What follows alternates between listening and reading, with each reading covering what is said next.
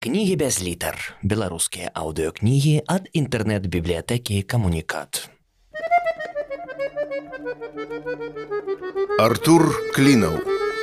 Локісаў. Раман.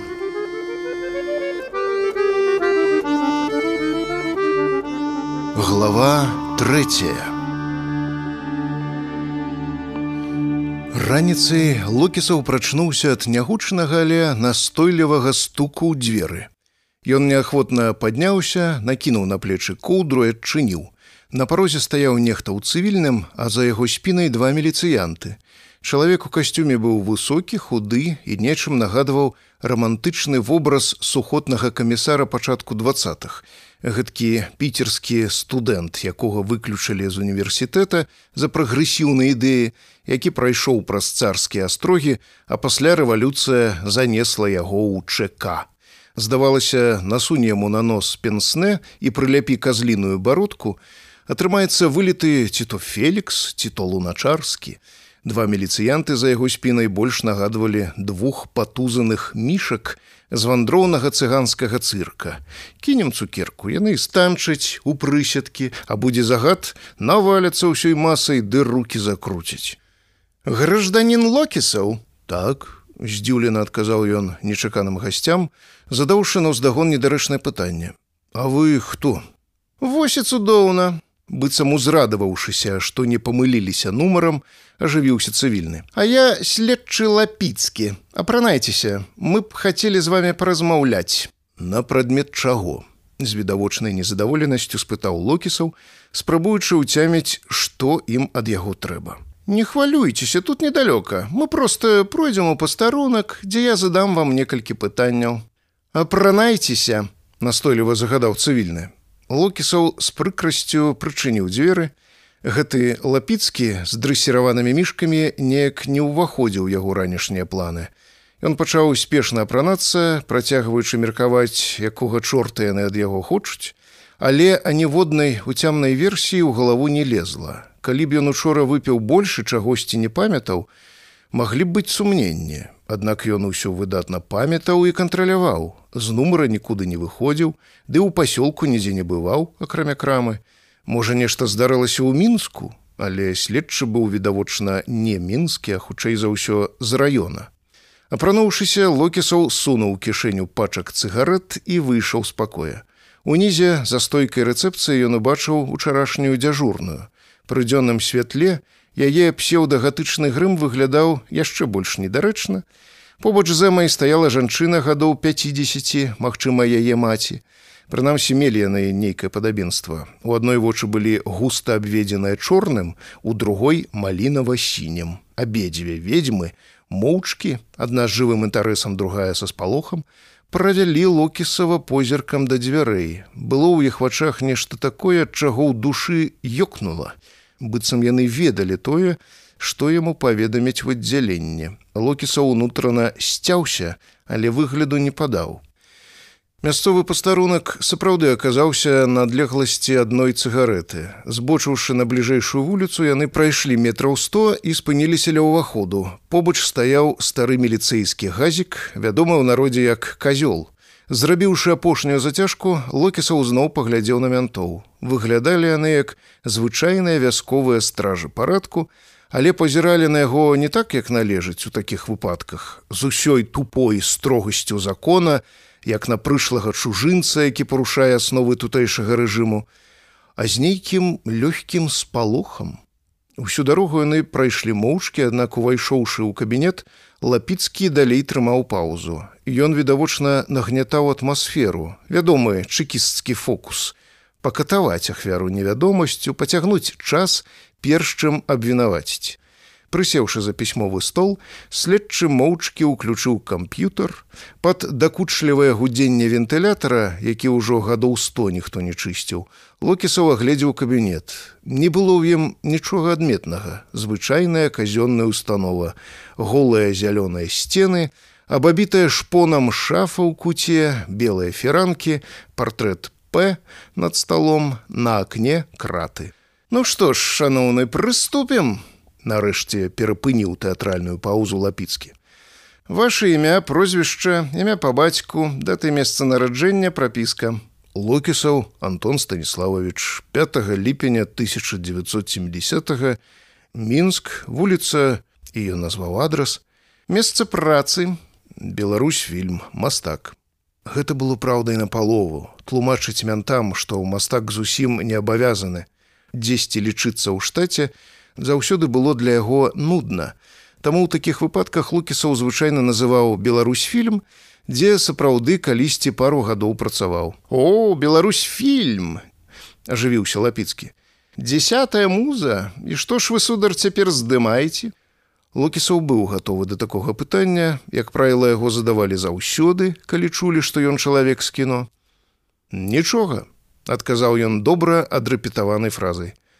Крызіс в кінаіндустрыі простой, ні працы, ні заробкаў.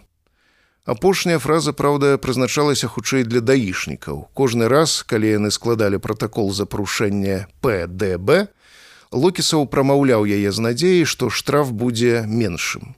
Так так, у нас тут таксама ведаеце простой.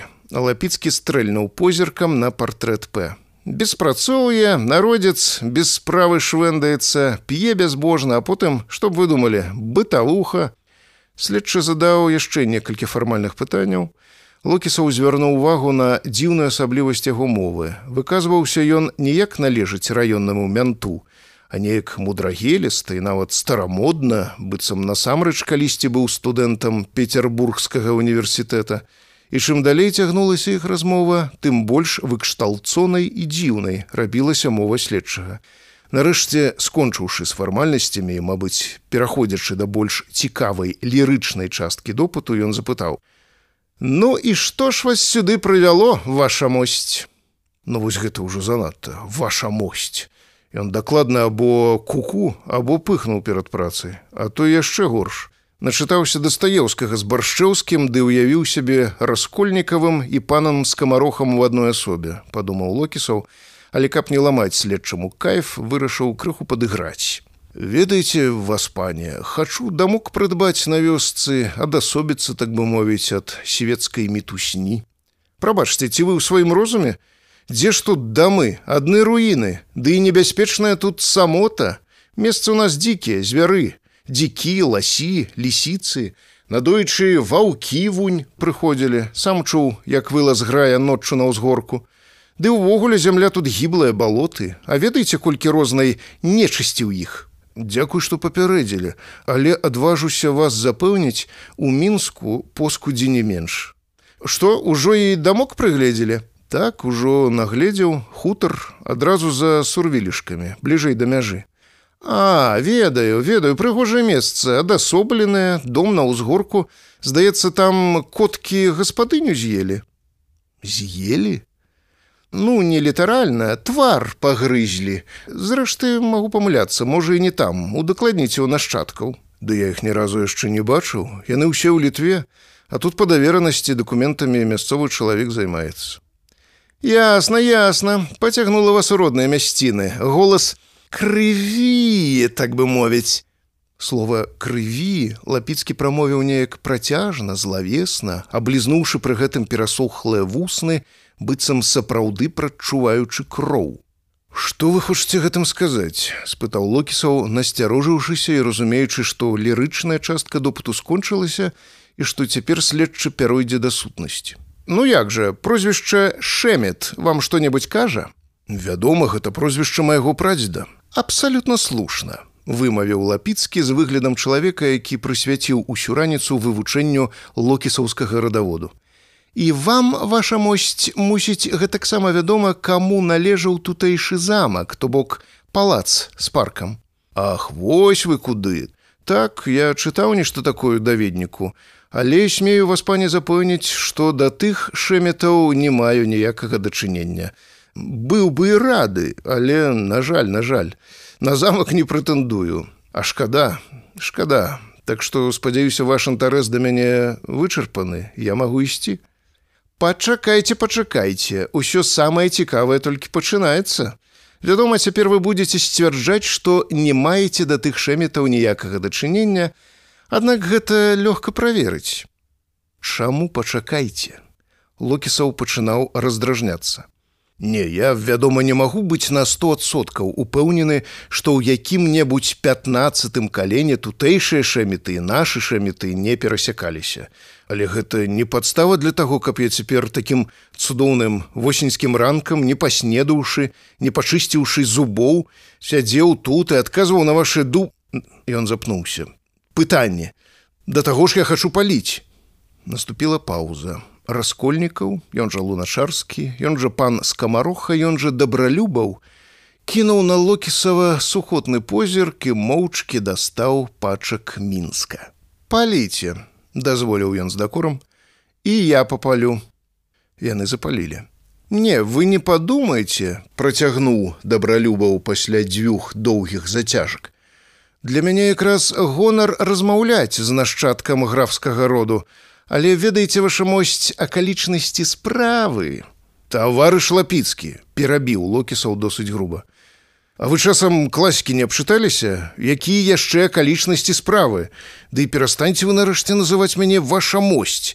Ваша мосці ды судары ў Петербургу засталіся. А тут мой грамадзяне таварыш. Вось вы зноў. А хведара Михайловича вы самі любіце, па вас жа відаць. Ды уцякаеце вы сюды не ад добрага жыцця. Вы ж узорны чалавек з падполля, колькі вам? 47 жыццё не атрымалася, жонка кінула, грошай таксама асабліва няма, мары пра славу вялікага мастака не спраўдзіліся. Беларусь фільм, Што вы там вялікага знялі? Вось і хочце вы ад усіх у глушы схавацца, каб сядзець тут яшчэ 40 гадоў і нічога не рабіць на злосць усяму свету. Ну ведаеце, гаспадзін лапіцкі, вы ўжо занадта калі мне спатрэбіцца кансультацыя доктара Фройда, я поеду на прыём у швейцарыю, а не ў мясцовае аддзяленне мянтоўкі. Нервуецеся, значыць праўда, ну дык добра, вернемся да справы ваша грамадзянин локісаў паправіўся белапіцкі. Дык вось вам як нашчадку роду шэметаў, хоць вы і спрабуеце ад іх адхрысціцца, мусіць быць вядома адно ваше фамільнае дзівацтва дзівацтва дзіўнае прынайдзіўнейшае. Я нават не ведаю як яго вымавіць каб не выглядаць ні кукуні чалавекам што пыхнуў перад працай. Як вы кагадзе мелі ласку пра мяне падумаць? Гэта быў удар ніжэй за пояс. Лапіцкі проста на вачах ператвараўся ў нейкага дэмана. Як ён мог даведацца што локісаў пра яго падумаў добра пра лузерства і пра ўцёкі для гэтага не трэба быць вялікім псіхолагам. Дастаткова паглядзець на яго і ягоную машыну. Але следчы нібы сканаваў і яго думкі. Не гэта не дабралюбаў і не пан скамароха. Гэта просто чорт нейкі. Дык вось працягваў лапіцкі Дзівацтва, альбо скажам мякчэй, незвычайнасць заключаецца ў тым, што шэметы не зусім людзі, то бок людзі з аблічча, але ўнутры звяры, а калі больш дакладна мядзведзі. Разумееце, пярэваратні яны ўсе як адзін былі. Або кажучы мовай паэтычнай вупыры, ваўкалакі. Хоць гэта не адно і тое ж. Правільнае вызначэнне гэтага феномену локіс слова якое ў перакладзе са старалітоўскай значыць мядзведь пярэварацень асаблівасць гэтую шэметы вядома хавалі сяліліся на край зямлі у месцах самых дзікіх бязлюдных стрымлівалі сябе як маглі. Але ўсё роўна прырода брала сваё. Звер вырываўся выяўляў сябе свету Адзін выпадак нават апісаны ў сусветнай літаратуры вядомым вам французам і прыяцелям аднаго з вашых продкаў месье прасперам мерымэ адзін выпадак? А што былі іншыя? Вядома! Поверьте мне шаноўны грамадзянин выпадкаў было вельмі шмат. Аднак мала якія сталі прадметам публічнай галоскі шэміты па-майстэрску замяталі сляды, а дваровых ды сялян трымалі ў страху. Мала хто адважваўся ў такіх абставінах адкрыць рот. Але адкуль чорт пабірае вам гэта вядома. О, месье, нашчады графскага роду. Я акурат з мясцовых сялян, і хоць я працую ў раённай пракуратуры, аднак продкі мае ўсе адсюль, усе пад шэмітамі хадзілі, лішняга не казалі, але сёе-тое ад дзядоў сынам шэптам перадавалі. Тут калі народ распытаць, ён шмат чаго распавесці можа. Так, ясна, падумаў локісаў з прыкрасцю. Зразумела, куды ён гне. мае нібыта продкі тут усіх набілі, нават глядзіш і з'елі каго-небудзь не стрымаўшыся, а цяпер за ўсе градавыя гістарычныя траўмы ўсіх мясцовых сялян мне адказнасць несці. І прычым тут пракуратура, Ён што і абвінавачванне мне ўжо падрыхтаваў. Не, не, быццам зноў прачытаўшы яго думкі, прамовіў лапіцкі. Я разумею, сын за бацьку не адказвае, ды і прэзумпцыю невінаватасці ніхто пакуль не адмяняў. У гэтай частцы нашай размовы я да вас прэтэнзій не маю. Што значыць у гэтай частцы? А што д'ябал вас бяры ёсць яшчэ і другая частка? падумаў локісаў, тут жа асекшы сябе, што зараз і думаць трэба асцярожна, а лепш не думаць зусім, А калі думаць, то толькі пра рэчы нязначныя, напрыклад, пра кубак кавы. Дарэчы, вы так і не паснедалі, ці не выпіць нам каўкі з беляшамі. Михалыч крыкнуў лапіцкі, Ён жа, як выявілася, вольф месінг і пан твардоўскі, у бок дзвяры. Зрабітка нам кавы па-польску. Па дарозе тут жа з'явіўся касалапы Михалыч, за ім у калідоры маячыў другі касалапыч, якога імя локісаў пакуль не ведаў. Не, ну гэта проста цырк нейкі, не вытрымаў ён і працягнуў думку. Мала таго, што падобны да мядзведзя, дык яшчэ і імя Михалыч, Вось дзе дакладна, пярэварыцень у пагонах. Не, гэтай раніцы няма, я сплю. А гэта ўсё мне толькі сніцца. Зараз, напэўна, як у любым дурацкім сне здарыцца які-небудзь бязглузды фінал. Вы беляшы бярыце, яны смачныя, свежыя, Следчы разгарнуў прамасленую сурветку, якую ляжалі тры рыжыя самазадаволеныя пончыкі. Не грэбуйце, у нас ведаеце цудоўная кулінарыя ў раёне, заўжды найсвяжэйшае мяско. Лукісаў хацеў быў адмовіцца, але голад ды спакушальны пах цёплага ліверу са смажанай цыбуляй прымусілі руку пацягнуцца да пачастунку. Скончыўшы з беляшамі, лапіцкі дастаў насоўку, цырымонліва выцер вусны, змахнуў кавалачкі фаршу са стола і пільна паглядзеў на суразмоўцу. Падсілкаваліся. Вось і цудоўненька. Сілушкі вам яшчэ ох, як спатрэбяцца. Такім чынам вернемся да нашай справы. Ён пасунуў клавіатуру і падрыхтаваўся зноў пісаць. Дзе вы правялі учарашнюю ноч? Ясна дзе ў нумары гатэля. Лукісаў незаўважна выцер замасленыя кончыкі пальцаў аб ножку казённага стола. А падрабязней, уколькі вы прыйшлі ў нумар, што рабілі, куды адлучаліся? Ды нікуды не адлучаўся, прыйшоў а восьмай, выпіў бутэльку каньяку, лёг спаць, пакуль вы не пабудзілі. Ну, допустим, грамадзянка козел Паліна, вядомая ў пэўных колах памянушцы Маліна, пацвярджае, што вы цэлы вечар і ноч правялі ў нумары. Хто такая козел Паліна? дзяжурная гатэля але як на мой погляд ваша алібі вельмі лапіцкі распеўна праблеяў апошнія словы і тут жа абрэзаў хісткае что значыць алібі что значыць хісткае Ды вельмі проста яно трымаецца на паказаннях усяго аднаго чалавека ды і тое дзяжурную вы маглі падкупіць напалохаць згаварыцца увайсці з ёю ў інтымную блізкасць урэшце яна магла заснуць і не чуць як вы выходзілі Да таго ж рэпутацыя у маліны не надта. А то яшчэ прасцей, вы маглі ўначы вылезці праз акно. Другі паверх не так ужо і высока. Таварыш лапіцкі, як вас па бацьку. Сергей Феліцыянович, Сергей Феліцыянович, не прымушайце мяне зноў думаць пра вас нядобрае. Які другі паверх? Навошта мне лезці праз акно? Локісаў адчуў, як найсвяжэйшы бяляш у ягоным страўніку штосьці незадаволена прабурчаў і гучна павярнуўся на другі бок. Скажыце, працягваў Фельцыянович, быццам не пачуўшы, А чаму вы змянілі прозвішча шэмет на локісаў? Я разумею, не вы, а вашы бацькі, але можна ж было падабраць што-небудзь менш кіткае, менш выкрывальнае. Гэта што бандыцкі кураж, Ведаеце, бывае, калі банда адчувае сваю беспакаранасць, яна ад зухвальства на месцы злачынства пакідае пазнаку. Памятаеце гісторыю пра чорную котку, што нетыпова для злачыннага свету. Ідэальнае злачынства здзяйсняецца ў цішыні і без сведак. Аднак часам ганарлівасць, форс бандыцкі бяруць сваё, но добрыя крымінальнікі, што з іх возьмеш, Але ж вы арыстакратычны род, вам жа бандыцкі кураж не да твару, так я ўсё зразумеў вы вар'ят я сыходжу. Ці гэта розыгрыш. Скажитеце дзе у вас стаіць схаваная камера? Куды мне усміхнуцца для гледачоў локісаў падняўся і рашуча рушыў да дзвярэй сядзець грамадзянин локісаў абярнуўся увесь надзьмута ад злосці следчы ва ўпор не міргаючы глядзеў на яго. Ад шаленства лапіцкаму сперла дыхання так што ён нечакана закашляўся доўгім і дробным сухотным кашлем. Сядьце адкашляўшыся больш спакойным голасам вымавіў ён. Скажитеце дзякуй грамадзянцы паліне маліне а то б я вас даўно арыштаваў. Вы здаецца не разумееце ўсёй сур'ёзнасці свайго становішча ну добра хутка зразумееце такім чынам працягнем.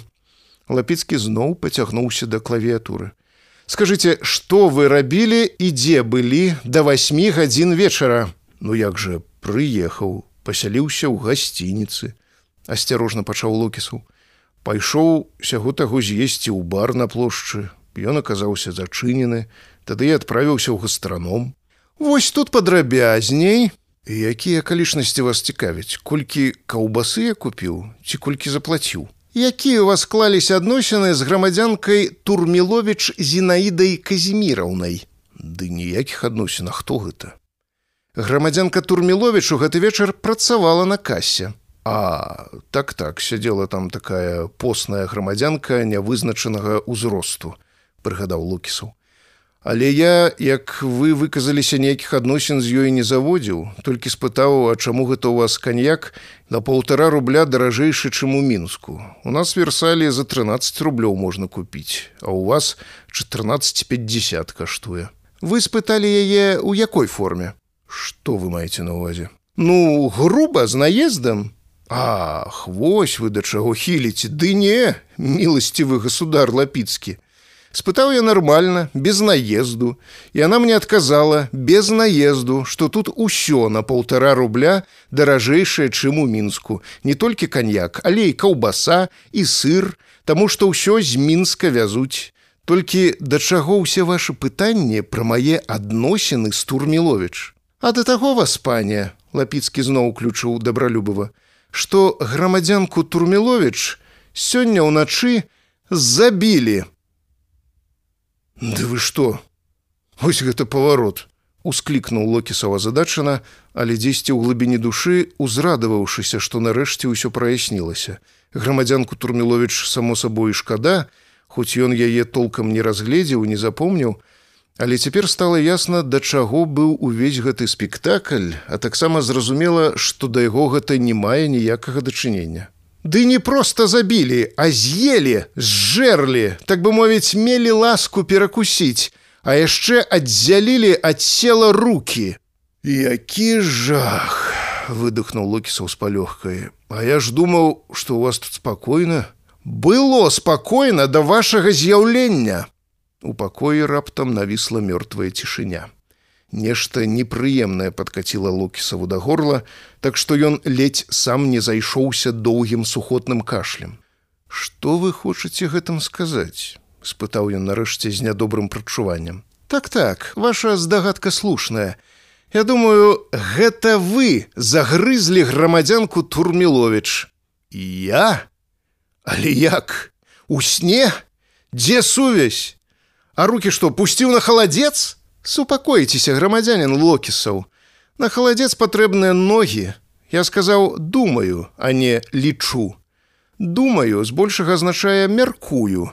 Калі б я быў упэўнены, я б размаўляў з вами па-іншаму і сядзелі б мы не тут, а ў раённай пракуратуры, а сувязь месцамі відавочная. Аднак для поўнай карціны не хапае пары істотных дэталяў. Глядзіце, вы ўчора вечары прыязджаеце ў пасёлак, а ўжо праз некалькі гадзін адбываецца тое, чаго тут не здаралася аж з часоў рэвалюцыі 1905 года. Скажаце, выпадковасць? Дык што тут столькі гадоў нікога не забівалі? Забівалі, толькі гэта ўсё была бытавуха. Ды пасля вайны лясныя браты амаль да 52 -го года жах наводзілі бальшавічкоў ды старшыняў калгасаў адстрэльвалі. Але гэта ўсё людзі і людскія злачынствы. А Турмілович забіў не чалавек, а звер. Вялікі звер. нібы мядзведь, але не мядзведь, а локіс. Так, усё, я больш не магу. Я зноў хачу паліць. Тут і зараз жа. Локісаў пацягнуўся па цыгареты. Спадзяюся, у гэтым вы мне не адмовіць. Паліце, граф, паліце. Адчувайце сябе як дома. Вы ёсць дома. з вяртаннем вас. Лапіцкі таксама запаліў. Хочаце ведаць ваша міласці, як мне бачыцца батальнае палатно дадзенага гастранамічнага інцыдэнту, прамовіў ён пасля невялікай паўзы. Вы, вядома, на пачатку нікім адкушваць не збіраліся, Аднак паветра родных мясцінаў згуляла з вами нядобры жарт. Не ведаю, як гэта ў вас у локісаў все адбываецца, але, мабыць, нешта ёкнула ўнутры, голас крыві паклікаў, эйфарыя ад вяртання, так бы мовіць. А тут і касірка ў гастраноме трапілася, спадабалася вам. Не, можа вам хто маладзейшы лепей смакаваў бы. Дзяжурная ў гасцініцы з малінавай грывы, напрыклад, але ж каб паліну козел было б ужо занадта відавочна, занадта многае паказвала б на вас. Ды і клапотна, усё не зжарэш, рэшту трэба некуды падзець, а касірка акурат тое, што трэба. Не разумею, праўда, як вы даведаліся, што жыве яна не ў пасёлку, а за кіламетр ад яго. Дарога ідзе праз лес, ідэальнае месца. Дык вось узялі вы бутэльку каньяку і ўладкаваліся каля акна на другім паверсе за крамай назіраць.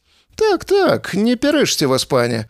Вы хоць святло ў пакоі і згасілі, але некалькі чалавек пацвердзілі, што бачылі, як вы праз адчыненае акно у цемры за крамай сачылі. Можа, вы, вядома, іншую ахвяру прыглядалі. Аднак самі ведаеце, які кантынгент да закрыцця ў гастраном спяшаецца. П'янь, забулдоны. Кроў такая, што і паралюш схапіць можа, Так што свой выбар вы на касірцы спынілі. У 10.07 яна замкнула краму, а вы праз акно або міма дзяжурнай непрыкметна праскочылі і следам за ёй. Ну а далей і так усё ясна. Так, так так. Так, так так. Локісаў не ведаў, што сказаць. Абодва яны помаўчалі. Не, ну да, такі да. Помаўчалі яшчэ. В поле рабіна стаяла, стаяла, стаяла. Яшчэ помаўчалі. Скажыце, лапіцкі толькі шчыра, спытаў я нарэшце. У вурдалакаў што цяпер пост, кім-небудзь апетытнейшым аскароміцца ён не мог. І вы што ва ўсю гэтую ахінею сапраўды верыце? Я веру. А вось ці паверыць без важкіх доказаў у раёне, а пагатоў у сталіцы не ўпэўнены. Ім ведаеце цяжка зразумець асаблівасці гэтых мясцін. Я ж тутэйшы у гэтых асаблівасцях вырас, Дык мне ўсё адразу зразумела, А вось ім заскарузлым матэрыялістам, праваслаўным бязбожнікам, агностыкам, скептыкам. Доказы патрэбныя, бранябойныя, жалезабетонныя, бясспрэчныя доказы. Таму вы яшчэ на волі. І як жа вы здабудзеце іх доказы гэтыя, Просто вы самі мне іх прынясеце. Локіс рана ці позна абавязкова сарвецца. Вось вы самі сябе і выкрыеце. А пакуль я вас адпускаю, Праўда, недалёка, под подпіску аб нявыездзе. Лапіцкі, да вы просто хворы. Я так, я хворы на тутэйшую гісторыю, хворы на гісторыю вашага роду. Да я столькі пра вас, граф, ведаю, што вы сабе і ўявіць не можаце. І што калі фартуна пасылае мне шанец выкрыць сапраўднага, самага, што не на ёсць рэальнага локіса, ужо дайце веры, я гэты шанец не змарную. Я можа ўсё жыццё вас чакаў, чакаў і не спадзяваўся, а тут вы самі да мяне завіталі. Вось тут і тут распішыцеся. Ён працягнуў локісаву пратакол і падпіску. А калі я адмоўлюся, задаў той рытарычнае пытанне, ўжо зразумеўшы, што мае справу з ідыётам. Ну тады ў камеру ваша мосць. Добра, добра, давайте ваш паперкі. Загідай вымавіў локісаў і страціўшы ўсялякую пільнасць падумаў: Чорт з табой, крыцін. Усё роўна паперкі гэтая шэльга ламанага не вартая. Хрэн ты што дакажаш і макруху на нявіннага чалавека не павесіш. Сёння справы параблю і ў мінск. Ну вы зразумелі? Следчы неяк крыва усміхнуўся. Пакуль ідзе следства пакідаць пасёлак яго наваколля вам забаронена. Локісаў моўчкі ўстаў і скіраваўся да дзвяры. Скажыце лапіцкі, раптам узнікла ў яго на парозе кабінета думка. А вам не прыходзіла ў галаву, што гэта мог быць рэальны, то бок сапраўдны мядзведь. засмяяўся лапіцкі. Смешна, вельмі смешна. Абодва мядзведзі ў пагонах Михалыч і другі касалапыч, якія праз адчыненыя дзверы пачулі ў калідоры пытання, таксама чамусьці зарагаталі. Не смяшыце мяне, працягнуў лапіцкі. Тут кожны ведае, мядзведзяў з таго часу, як пасяліліся шэметы, тут ніколі не вадзілася. Мішкас, гэта, як вы здагадваецеся, мядзведь па-літоўску. Дык вось мішкас з локісам у адным месцы не жывуць, мішкас ад локіса бяжыць, і нават калі локіс сыходзіць, мішкас на яго тэрыторыі і сто гадоў не паселіцца. Праўда, Михалыч?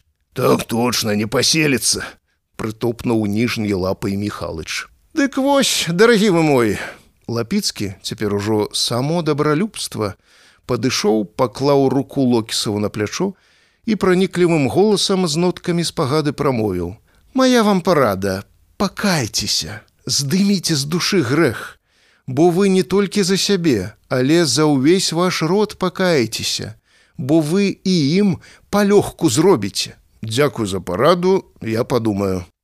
Вось і падумайце, А як надумаеце, калі ласка, прыходзьце, тэлефануйце, Вось вам мой телефон, Лапіцкі працягнуў візітоўку. У любы час дня і ночы, нават без нагоды, будзе сумна, самотна, захочацца пагутарыць па душах, кілешак разам прыгубіць, або дапамога, якая спатрэбіцца, якое пытанне ў пасёлку ці ў раёне вырашыць, з афармленнем дома дапамагчы, заўсёды буду рады. А вось наконт крыціна, гэта вы дарма.